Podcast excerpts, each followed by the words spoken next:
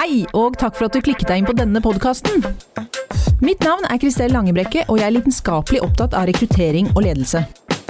Gjennom disse episodene, som kommer ut én gang i måneden, snakker vi om jobb og karriere. Du vil få et innblikk i hva som kreves for en god leder, du vil bli med i interessante diskusjoner om dilemmaer i arbeidslivet, og lytte til inspirerende gjester.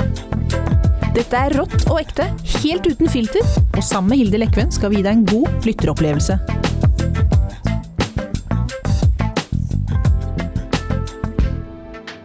Velkommen tilbake til Uten filter og vår sjette episode som skal handle om selvledelse.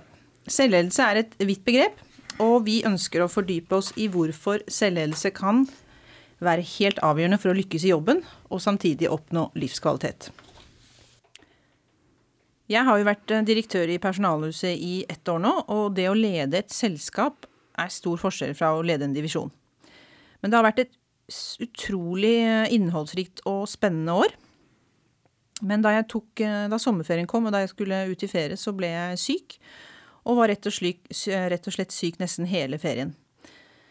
Så da jeg kom tilbake på jobb i august, så merket jeg at jeg rett og slett var mer sliten enn da jeg gikk ut i ferie, og det skremte meg skikkelig. Så jeg valgte å være helt åpen med deg, Hilde, om hvordan jeg hadde det. Vi hadde en veldig fin prat hvor du utfordret meg og ga meg noen konkrete råd. Så nå jobber jeg med små grep som gjør at jeg forhåpentligvis over tid får nye og gode vaner. Og en konkret ting som jeg, som jeg gjør, er å prioritere tiden min.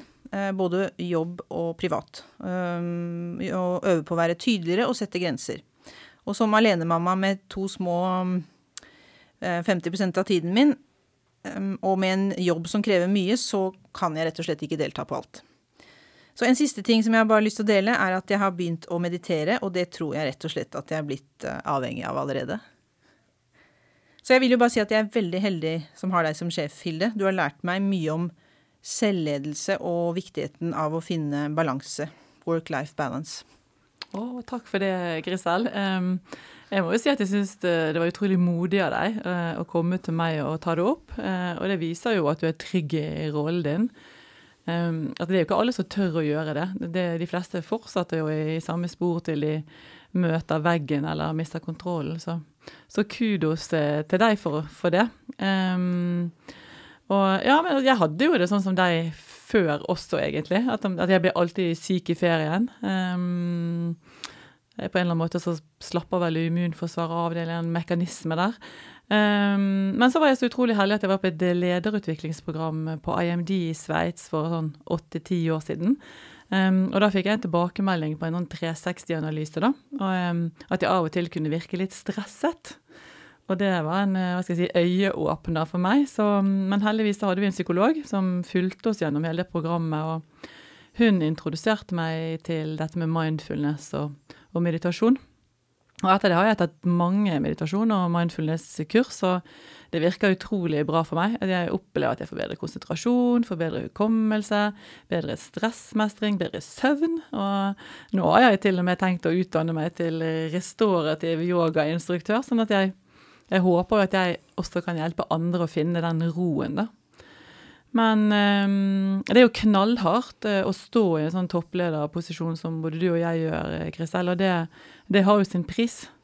Uh, og det må jo vi innrømme. Uh, så min oppskrift har blitt ja, meditasjon, sunt kosthold, nok søvn, nok trening. Og ellers passe på det som du sa i sted, med at man har en god balanse i det livet man lever. Og, og det at man har det bra i, i livet sitt, det, det, har man ansvar for selv. Så da må man jo rett og slett begynne med selvledelse. Mm, det er jeg helt enig i, og det er jo ingen andre som kan ta ansvar for at uh, en selv skal oppnå livskvalitet. Så jeg syns dette er et veldig spennende tema, fordi jeg står litt uh, midt oppi det selv. Så derfor ble det ganske enkelt å velge dagens tema.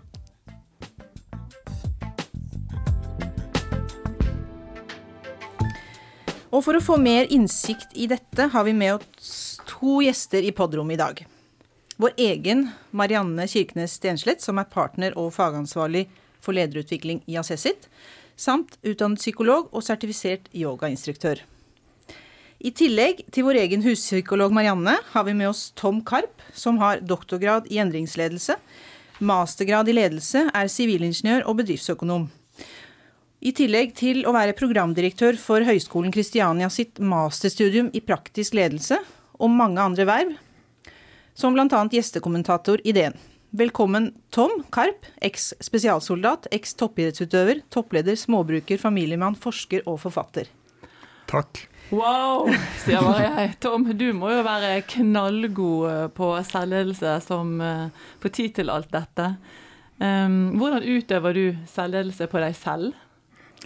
Uh, ja, er, altså, Det er jo et felt som jeg sjøl har jobba mye med. Det er derfor jeg også har brukt tid på å forske på det og sette det litt i system. Så jeg prøver jo å, å jobbe med noen av disse strategiene sjøl. Jeg prøver å ha en form for balanse i livet. Jeg prøver å ha overskudd. Jeg prøver å være bevisst en del valg jeg tar, og hvilke mønstre som styrer de valga. Jeg prøver å ha en form for produktivitet når jeg skal ha travle dager. Så jeg jobber jo en del av de tingene her sjøl. Ikke hele tida, og jeg er ikke noen robot, men, men, en form for bevissthet i det i hverdagen, det, det driver jeg og opererer. Er det, er det, noe som på en måte har eh, kommet med, med erfaring, eller har du alltid vært bevisst på å ha balanse i livet? Eh, jeg pleier å fortelle en historie som jeg skal gå kjapt på nå, men jeg hadde en farfar. Jeg brukte mye av min, min barndom farfar, og han var eh, veldig flink til å lære men Det var ikke bevisst fra farfar, men jeg var mye hos farfar, for jeg var et, eh, et krevende barn sammen med min mor, og det var ikke noe kompliment. Det var at dama trengte hjelp. Så jeg brukte tid med en, en gammel turner og en fyr i Forsvaret som, som, som, sa dette her, at Tom, du må være bevisst hva du sier til deg sjøl, og hvem du er, og dette her. Og så. Det kom vel smuglende inn i ganske sånn ung alder. Mm. Og det er jo litt av um, innledningen til boken du har skrevet uh, som heter 'Til meg selv', som både Hilde og jeg har sett litt i. Uh, og jeg, på forsiden så står det jo det at det er ikke hva jeg sier til andre, men, men hva jeg sier til meg selv, som jeg skjønte at også din farfar sa til deg. Og det, det, er vel mye av det selvledelse handler om? Det er vel en essens, av det var farfars ord. ikke sant? Og Det er jo den indre dialogen og hva du sier til deg sjøl i en hel sammenheng. Altså, så er den litt satt på spissen. ikke sant? Nå, Da handler det jo nå hva vi sier til andre, f.eks. når vi spiller en podkast som dette her. Men, men, ja, essensen av selvledelse er jo det. Mm. Hva, hvordan påvirker du deg sjøl, istedenfor å påvirke andre mennesker, som vi driver med når vi ellers leder, ikke sant? så er det å påvirke seg sjøl. Mm. Det er på en måte feltets essens. Hva var det som gjorde at du, du ville skrive en bok om akkurat selvledelse? Eh, ja, nå, nå, nå, er jo fagfeltet mitt ledelse, ikke sant? så da var det vel eh, naturlig. Også I tillegg så, som jeg sa, så jeg jobba en del med det sjøl. Og jeg har, som flere av dere, jeg har jobbet en del i, hvert fall i tidligere år med ledere og lederutvikling. Sett litt hva de står i osv. Og, og på en eller annen måte sett, forstått, ant at dette her er et viktigere og viktigere felt da, for flere og flere. Som ikke nødvendigvis bare handler om, om jobbhverdagen, men som handler om en litt sånn 24-7 mm. grenseløse livet vi alle sammen løper rundt i. Mm. Så det var på en måte et behov fra en del av en slags målgruppe, tenker jeg, som gjorde at dette her Hva er, altså, hva er egentlig selvledelse? Kan du, kan du, beskrive det med noen få ord for lytterne våre? Eh, hvordan vil du oppsummere det viktigste? Det viktigste er å påvirke egne tanker, følelser, behov, atferd for å om du skal prestere, eller om du skal ha balanse, som dere sier, om du skal ha livskvalitet på noen måte. Du jobber med å, å påvirke deg sjøl. Eh, selvregulering kaller jo de kognitive psykologene dette her. Jeg kaller det selvledelse fordi jeg driver med ledelsesforskning. Så ja, det er jo det er essensen. Det var jo en eh, fin overgang til Marianne. Du er jo lederutvikler og psykolog, eh, og har gjennom 15 år jobbet med å utvikle mer enn 4000 ledere. Ja. Eh, du jobber i felten, i det virkelige liv. Du driver med ledertrening og lederutvikling i mange store virksomheter. Og hvordan har lederne det? Klarer de å påvirke egne følelser og egne behov, eh, som Tom sier? og Er vi ledere gode på å lede oss selv? Du driver jo også med lederutvikling av oss i Otiga Group.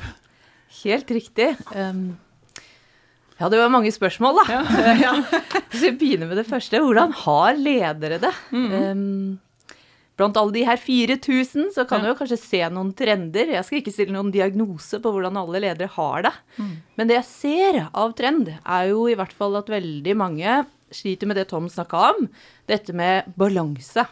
Hvordan finner jeg balanse mellom jobb, privat, fritid, egentid og ledertid? Hvordan finner jeg balanse mellom oppgaver som gir meg energi, som gjør at jeg får overskudd, men andre oppgaver på motsatte siden tapper meg for det.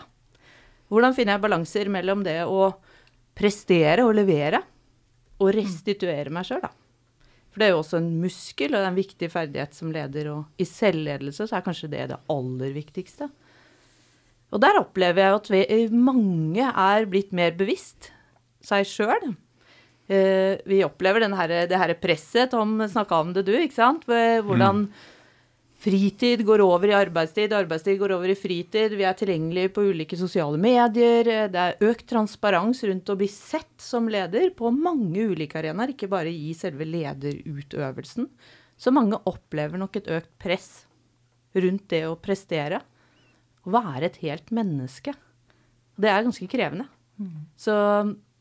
Mm. det er sånn, sånn indre følelse, så vet jeg ikke helt hvordan jeg skulle beskrive det. Men eh, kanskje handler det om en økt grad av uro og indre angst, da. Som mm. flere ledere snakker høyt om i dag, i hvert fall. Er min opplevelse. Det er mm. mer stuerent å snakke om at det er krevende å stå i det strekket mm. mellom å finne en indre balanse som er sunn og bra. For det krever jo en viss selvinnsikt, gjør det ikke det, for å finne hva, hvilke, hva, er mine begrensninger, altså hvor henter jeg energi og ikke, osv., og, så og gjøre de prioriteringene. Ja. Og definisjonen på, på, selvledelse er jo alle de strategiene Tom eh, snakker om, men det er jo også det kritiske punktet om innsikt.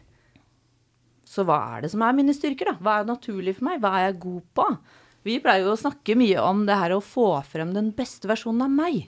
Jeg kan ikke være noen andre enn den jeg naturlig er. Um, og i psykologi så er det mye personlighetssnakk. Hva er bra personlighet, hva er dårlig personlighet? Det er ikke noe bra eller dårlig personlighet. Vi har de styrkene vi har.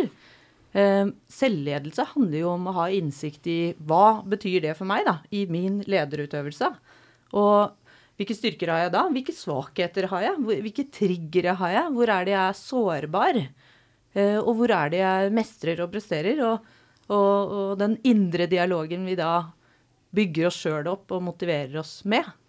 Det, det, det, opplever jeg mange flere ledere blir nysgjerrig på, er interessert i, men syns også det er krevende å, å, sette seg inn i. Så det å få noen konkrete verktøy, mm. tips, råd til å mestre det med selvledelse, mm. det blir mer og mer etterspurt. Hva, hva er det, hva, hvilke råd uh, gir dere, holdt jeg på å si, eller verktøy? Kan man, hvor skal man begynne, på en måte? da?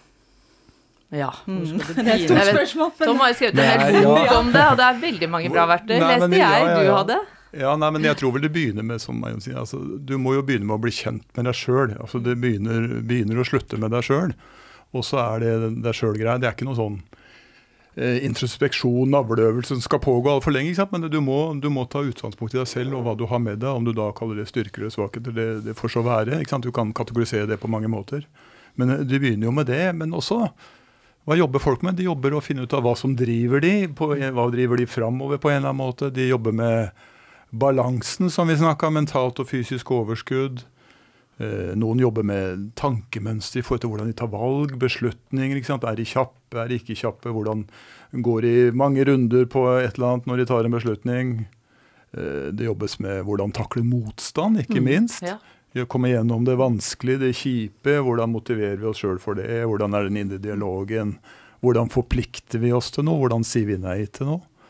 Eh, og det, altså Selvledelse er også Etter hvert opplever jeg har vi også bevega oss. Vi har plukka verktøyene fra, fra, psykologenes divaner og, og gjort det til verktøy man sjøl kan bruke på ja, kanskje hva som holder oss tilbake, hva, de kjipe tankene, de vonde følelsene osv. Og, og kanskje prøve å ta fatt i noe av det selv um, innenfor grenser. Men uh, det har altså dukka opp. Så det er, det er ganske bredt koldtbord, dette her. Noe ja. passer for noen, og noe passer mm. ikke for alle. Ikke Så det er, det, er, det er, noe å plukke i og prøve ut. Mm. Ja, for Kristelle, jeg har jo sett litt i boken din, uh, og jeg opplever det som en praktisk uh, men evidensbasert selvhjelpsbok på en måte. da, mm. Med mange konkrete råd og, og verktøy for bl.a. å øke den selvinnsikten som dere snakker om. Men, men, hvor mye vil det kreve for bevisst, det å bevisst å lede seg selv, eller holder det at vi leser boken? Uh, ja, jeg, jeg, altså, jeg, tror det holder med å lese boka. Eventuelt du kan ta et kurs, du kan dra på en workshop. Jeg tror det handler om å begynne i det forsiktige. Det er ikke mm. sånn snu rundt på livet i løpet av to uker og så en sjupunkts oppskrift, så er, du, er ting nytt. Så det krever noe tålmodighet, og det krever noe prøving og feiling. Og så tror jeg det handler om å begynne i det små. Og, og lavthengende frukt, kall det hva du vil. ikke sant? Men du tester ut noe, så ser du hva slags effekt det har. Eventuelt så justerer du på det og prøver noe annet. Hva var det første småtingen du begynte med selv, da? Nei, altså i og med at jeg begynte i ganske ung alder, farfar og noe idrett og dette her, så ble jeg veldig oppmerksom på hva som drev meg framover. Ja. Dette med mål osv. Og, så mm. og så ble jeg kjent med prestasjonsmønstre. Hva jeg gjorde, hvordan kunne jeg regulere spenning, hva gjorde at jeg presterte. Så det var liksom mitt, min inngang i dette her. Så måtte jeg begynne å se på balanse etter hvert som jeg ble eldre og ikke hadde like mye energi. Ja, Det er noe spennende i det. da. Jeg følger deg veldig godt på det der med å starte med små skritt. fordi hva er det som skal til? Når vi mennesker skal endre oss, så er det jo ikke det noe som kommer helt naturlig. Det krever en viss innsats å faktisk gjøre endringer. Jeg tenker jo I tillegg til det å ha teknikker og verktøy og en bok og noe å lese rundt det, og tips, så er det jo det der at du vil. At det er noe som er viktig for deg. Fordi den, den motivasjonen til å ha lyst til å gjøre endringer, den kan jo flytte fjell mange ganger og vår erfaring. Jeg ser jo det på ledere. Jeg spør de veldig ofte om det i, i den der bevisstgjøringsfasen. Så hva er det, da? Gitt alle de områdene vi har fått innsikt i, for det kan være mange. Hva er det av dette som ville utgjøre en vesentlig forskjell for deg og livet ditt, hvis vi fikk endra på? Og hva er du motivert, hva er du interessert i å lykkes med? Mm.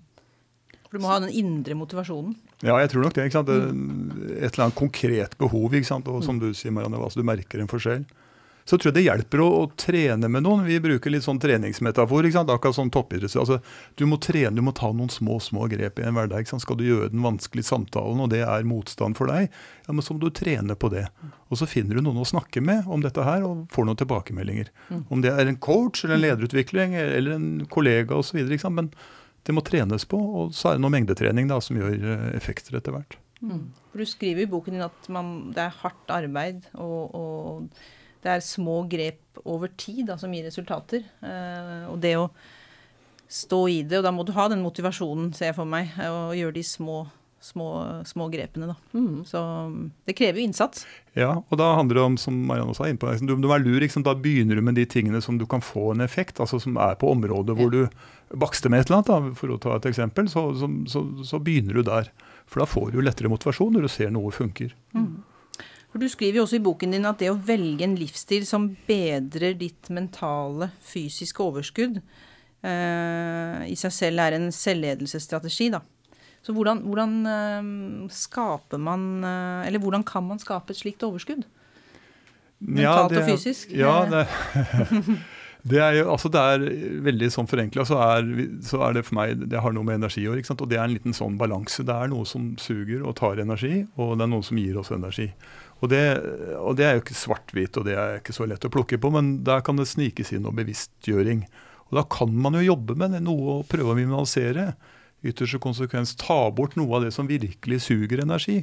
Man kan kutte ut et møte. I verste fall kan man kutte ut et menneske som man har gått og dratt på i ti år, som bare drar det ned. Eventuelt jobbe med å få noe som gir noe påfyll av energi. Om det er da nye arenaer å møte på, en ny flaske rødvin, en ny mm. bok eller noe annet, en ny hobby. ikke sant? Det, det går an å jobbe litt med det der og, og ta noe ansvar for de valgene. da. Mm. Ikke la omstendighetene styre alt det der. Hvor mye har ja, Unnskyld, Marianne. Nei, det, ja. det, følger det. fordi at det å opprettholde motivasjonen underveis, det er jo ofte sånn at når vi begynner med et prosjekt, når vi har lyst til å endre noe, så er vi kjempemotivert i starten.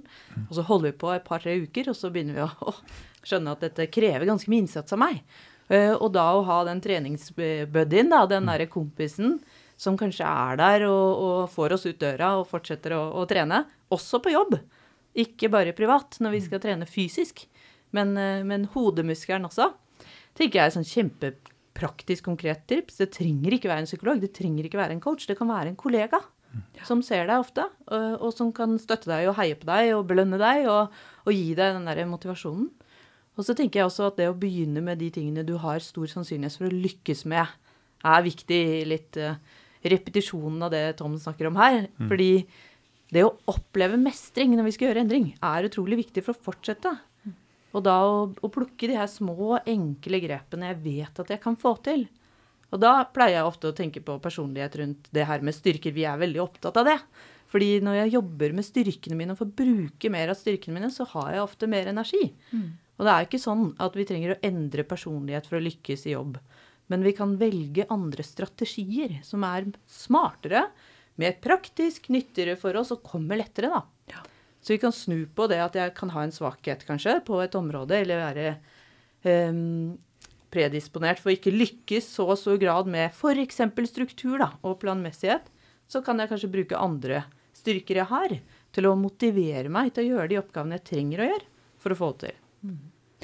For det krever jo mye viljestyrke, da, som, eh, som vi er enige om her, for å, å på en måte uh, stå i det og, og, ha et langsiktig perspektiv. Så lurer jeg litt sånn på hvor mye har fysisk trening, altså riktig kosthold, nok hvile, de tingene der, hvor mye har det å si for, for uh, å nå målene, eller å stå i det? Ja, jeg tror jo det er en sånn altså, relativt fundamental dette, er dette med mentalt og fysisk overskudd. Det, både for å stå i det, som du sier, og, og, gjøre endringene som vi nå snakker om. Eh, som, det er en slags sånn plattform, kanskje. En del av de kjedelige tingene som å trene og spise og sove. dette her, jeg, mm. det, har, det, har, noe å si. og Jo eldre man blir, jo mer krevende lederjobben blir osv. Så, videre, mm. så så er ikke energi et ubegrensa ressurs lenger. Jeg, jeg, tror det er ganske viktig, både for å gjøre endringsprosjektet og som en selvledelsesstrategi i seg sjøl, som, som, som, pågår. Uh, restitusjon? Og, restitusjon, ikke sant? Sine arenaer som man puster ut på, ikke sant? og finne sin greie på det. Høyst politisk ukorrekte greier. ikke sant? Liker man å se på frustrerte fruer, så gjør man det. ikke sant? Man finner sine ting. Mm. Men andre er jo mer opptatt av meditasjon og yoga, og, og, man sier jo at eh, meditasjon er den nye normalen, og at eh, om 50 år så er man unormal om man ikke mediterer. Eh, jeg mediterer jo mye, men Marianne, du er jo i tillegg yogainstruktør. Hvorfor var det en del ja. av din selvledelsesstrategi å gå inn i yogaverdenen, eller hvor, ja, det var det, faktisk. Ja. Det, er, det, er, nok ikke helt naturlig min personlighet. Jeg har også vært en sånn løper og håndballspiller, og, og fart og energi jeg har alltid likt i veldig stor grad. Så har jeg jo opplevd eh, perioder av livet hvor jeg også har kjent på det der med at nå er batteriet mitt flatt. Hva er det jeg trenger nå? Og da funka det ikke å løpe i skogen lenger, faktisk. Og da kjente jeg at eh, det å avspenne, det å meditere, det å gjøre fysisk bevegelsesyoga, det fungerte veldig bra for meg. Jeg trengte å gjøre det litt over en tid. Det var ikke sånn at det automatisk skjedde fra dag én. Det var en, en annen muskel jeg ikke var vant med å aktivere som jeg opplevde at uh, Jeg husker yogainstruktøren, som også var psykolog og en fantastisk dame, snakket om 'gå til dette stedet hvor alt er bra inni deg', hvor du har indre ro, hvor du henter energi. Jeg lå der og tenkte nei, hent, finner ikke noe sted. Hvor er dette stedet? Og jeg strevde med å finne dette indre stedet. Det holdt jeg på med lenge nok til at jeg fant det. Og det, det hjalp meg, da i en periode hvor jeg trengte å lære å spenne av. Og så begynte jeg intellektuelt å uh, åpne opp for hva er det dette her handler om, sånn rent fysiologisk. Satte meg veldig inn i? Ja, pust, men også kropp og muskulatur, avspenning, restitusjon, hvile. Uh, hjernen vår, hvordan er det hjernen fungerer? Hvor mye har det å si for hjernen vår, egentlig? Altså det, det, er, det, er, et ganske nytt felt forskningsmessig, hvor mye det har å si for hjernen. Men veldig mange eh, finner jo nå forskning på at hvis du mediterer 10-15 minutter daglig over tid, så aktiverer vi deler av hjernen som vi ikke gjør hvis vi ikke mediterer.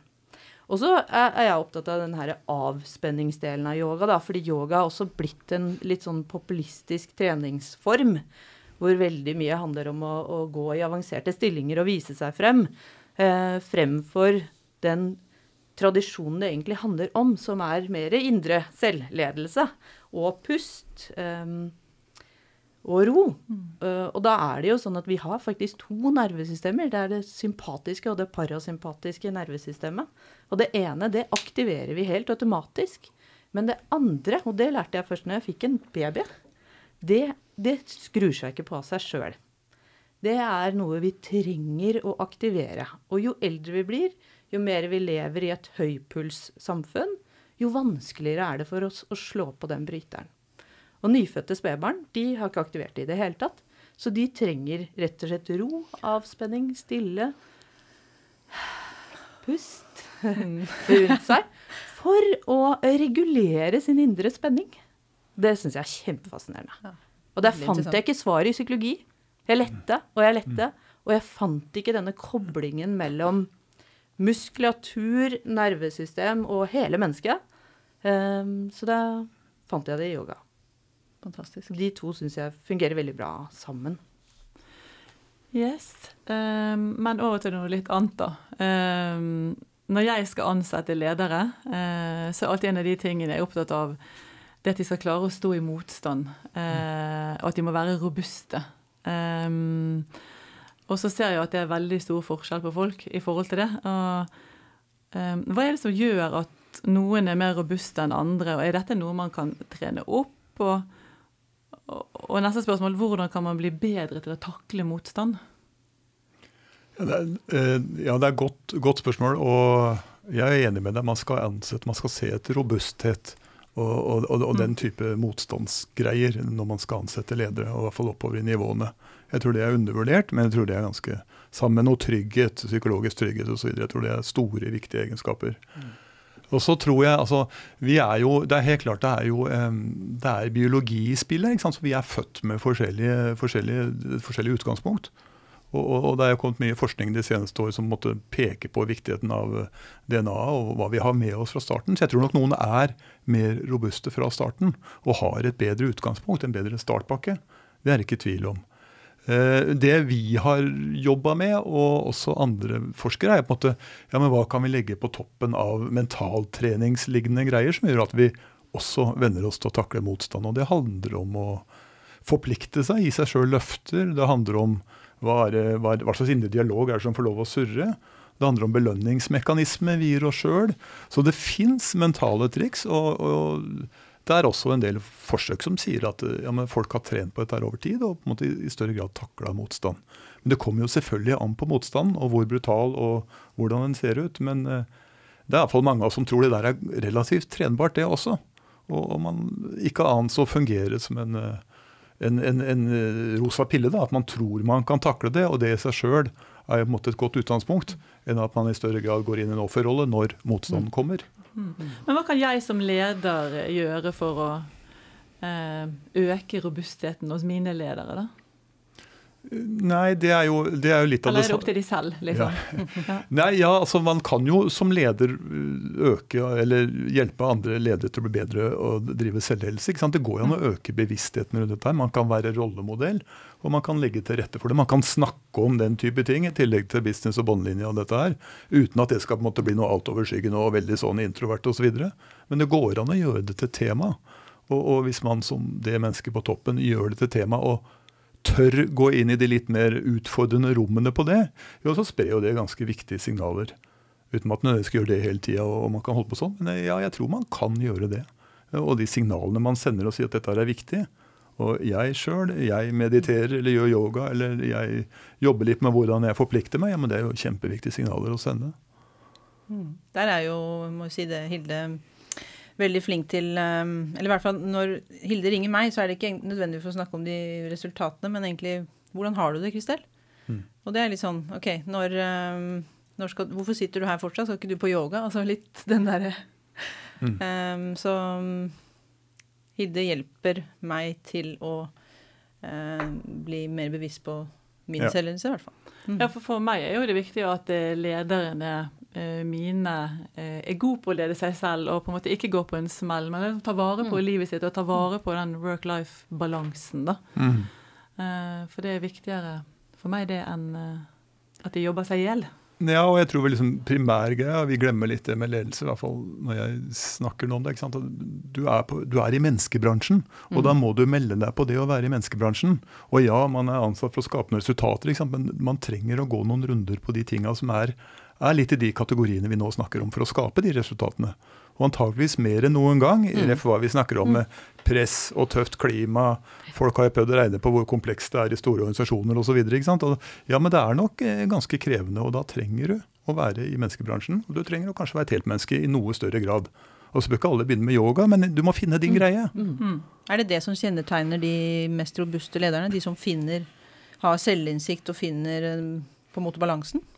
Eller hva er det som kjennetegner? Jeg opplever at det er en kombinasjon av det Tom snakker om. Altså de som finner sin greie, som skaper ro hos deg. Og det kan være tur i skogen og seiling i stedet for yoga. Eller det kan være å lytte til podkaster eller se på en TV-serie. Men eh, også så handler det jo om den biologien. Den robustheten til å takle det. Så det er nok en kombinasjon av begge. Mm. Um, Tom, eh, mange ønsker jo å bli mer effektive. Mm. Og det vil vi også. vi vil både bli effektive, og så vil vi lære å slappe av. Ja, ja. ja, I, i, i, i den rekkefølgen. Ja, kan vi slappe av mens vi er effektive. Ja, nei, vel, velkommen til virkeligheten. ja. Så um, du skriver jo om hvordan man kan øke produktiviteten mm. uh, og effektiviteten. Um, kan du si noe om uh, fasiten? Ja, Det er jo et, eh, en av de vanligste nedslagsfeltene for dette. Det er der, gjerne der mange mm. vil begynne. Mm. og Jeg tror kanskje man skal begynne på balanse og dette, men, men, men fint det. Eh, jeg tror, eh, For å peke på én greie som er, hvor det er veldig mye å hente, har med vaner å gjøre. Altså det å være bevisst vanene sine. Vaner, altså vi vanifiserer ganske mye av det vi gjør hver dag. Det å Vaner kan endres, byttes ut med noe mer sunne vaner. F.eks. hvordan man håndterer e-post, hva slags møter man holder, hvordan man styrer tiden på det osv. Det er ganske mye å hente på å se hvordan man bruker tid og, krefter i løpet av en dag. Hvordan noe kan puttes ut i andre vaner. Og hvor ofte man lar seg avbryte fordi det kommer en e-postpling eller ned i smarttelefonen og sånne ting. Og der er vi selvfølgelig, selvfølgelig predisponert for noe, men, men det er også overraskende mye å hente som ikke koster så mye. Og, og, hvis du skal begynne et sted hvor det er som vi snakket om i sted, mm. ganske mye å hente på kort tid, mm. så vil jeg jobbe litt med vaner og tidsstyring og sånne ting i løpet av en arbeidsdag. For da får du kanskje noe tid som du kan bruke til noen av de flottere tinga vi snakker om nå. Følger deg veldig på det. Det er verktøyet med en, en, ting jeg lærte veldig tidlig, var det med prioriteringsmatrisen, om det er Eisenhower eller Covey som har funnet på den. Uh, men det å, å vurdere også hvilke oppgaver er det som er viktige. Fordi vi har en tendens til å bruke mye tid på oppgaver som faktisk kanskje egentlig ikke er viktige. Mm. Det er et spørsmål jeg alltid tar med meg. Hvilke oppgaver er det som er viktige for meg nå? Hva mm. bruker jeg tida mi på? Ja, og viktig for hvem? Ja. Mm. Ikke la andre styre ja. agendaen din. Si nei. Du mm. skriver mye om det i boka. Det er viktig. Det er viktig. Dette er et veldig veldig spennende tema som sikkert blir mer og mer aktuelt i tiden fremover. Og vi nærmer oss eh, slutten. Eh, vi har vært innom mye spennende, men helt til slutt så har vi lyst til å stille dere et spørsmål som vi pleier å stille gjestene våre. Og det er at hvis dere skulle gjort noe helt annet, hva ville det vært? Det er jo vanskelig for Tom å svare på, for han har jo gjort alt! Han har gjort alt. Det måtte vært virkelig. Hvis jeg skulle være sånn type yrkesmessig ja, Jeg må ikke skille meg og flytte og dette her. Eh, nei, da Eh, da ville jeg forfulgt altså Da ville jeg vært skjønnlitterær forfatter og gått hjemme og sulla og skrevet og bada og trena, og så satt man ned og skrevet igjen. Skrevet ikke sett et mm. menneske. Mm. Han, min kone aksepterer ikke det, men jeg hadde nok klart det en stund, ja. Spennende. Og du da, Marianne? Den syns jeg er vanskelig. Det, da, da, må jeg tilbake igjen til hva jeg drømte om å bli da jeg var liten. Og det tror jeg det var å være rockestjerne eller popsanger. Mm. Wow. Det er det. det ja. Kult. Vi, oh ja, vi skal jo på eh, kickoff i helgen, Marianne, så ja. Da får du sjansen. Utfordre deg jo på scenen og synge litt. Jeg er vant til å utfordre, så det Ok, vi får se. Det har vært eh, skikkelig inspirerende å ha dere her i, i podrommet. Og takk for alt dere har delt. Eh, og tusen takk for at du lyttet. Så høres vi gjennom ikke altfor lenge til neste episode av Uten filter, som skal handle om eller nei, det, det vet, vi ikke, helt ennå. Eh, så det er bare å komme med innspill. Takk yes. skal dere ha. Ha det bra. Ha det bra. Ha det. Ha det. Hei, hei.